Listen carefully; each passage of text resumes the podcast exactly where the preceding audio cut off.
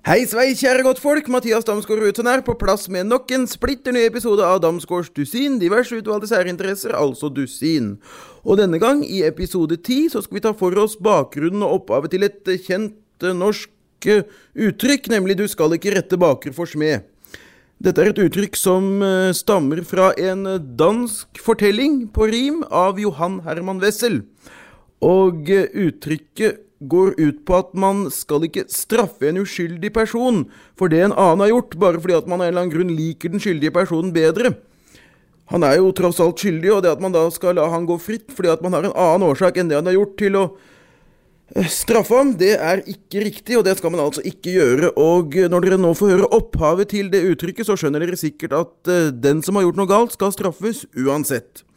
Opphavet er nemlig diktet 'Smeden og bakeren', som kom ut i 1777, og det skal jeg nå få lov til å lese for dere i sin helhet. Så skal vi se om vi blir noe klokere av det. Altså 'Smeden og bakeren' av Johan Herman Wessel.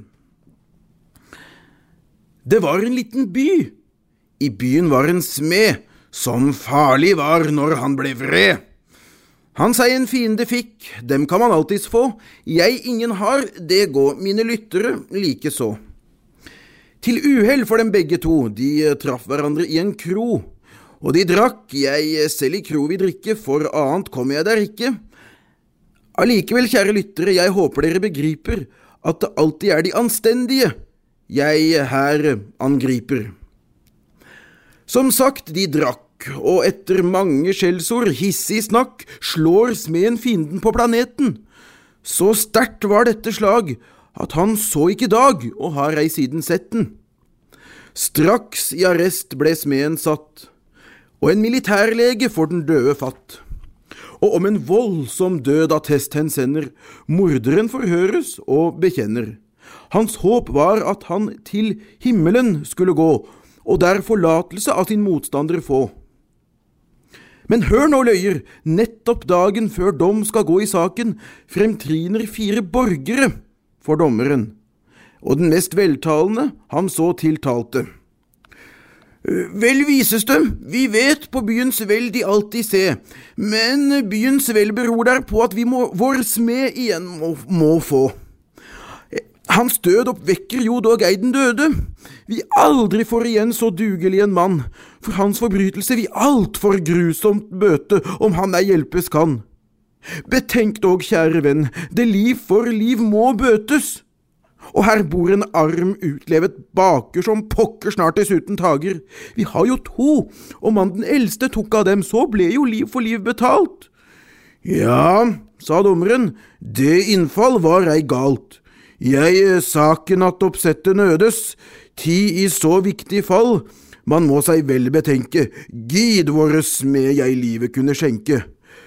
Farvel, godt folk, jeg gjør alt hva jeg kan. Farvel, vel vise mann. Han eh, blader i sin lov omhyggelig, men finner intet der for seg, hvor vett forbudt det er for smed å rette baker. Og han sin beslutning tager, og så avsier denne dom. Hvem som vil høre den, han kom. Vel er grovsmeden Jens for all unnskyldning lens, og her for retten selv bekjente han Anders Pedersen til evigheten sendte. Men da i vår, smø, men da i våres by en smed vi kun har. Jeg måtte være rent av lave ifall jeg ville se ham dø, men her er to som baker brød.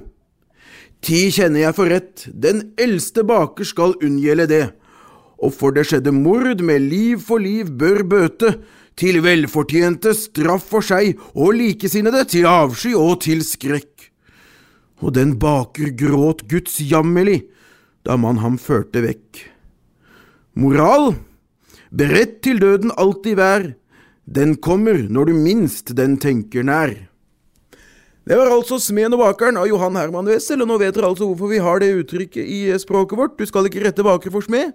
I neste episode av Damsgårdsdusin skal jeg presentere et dikt for dere av en dikter som jeg ikke har presentert noe av i Damsgårdsdusin tidligere, nemlig Herman Wildenvei.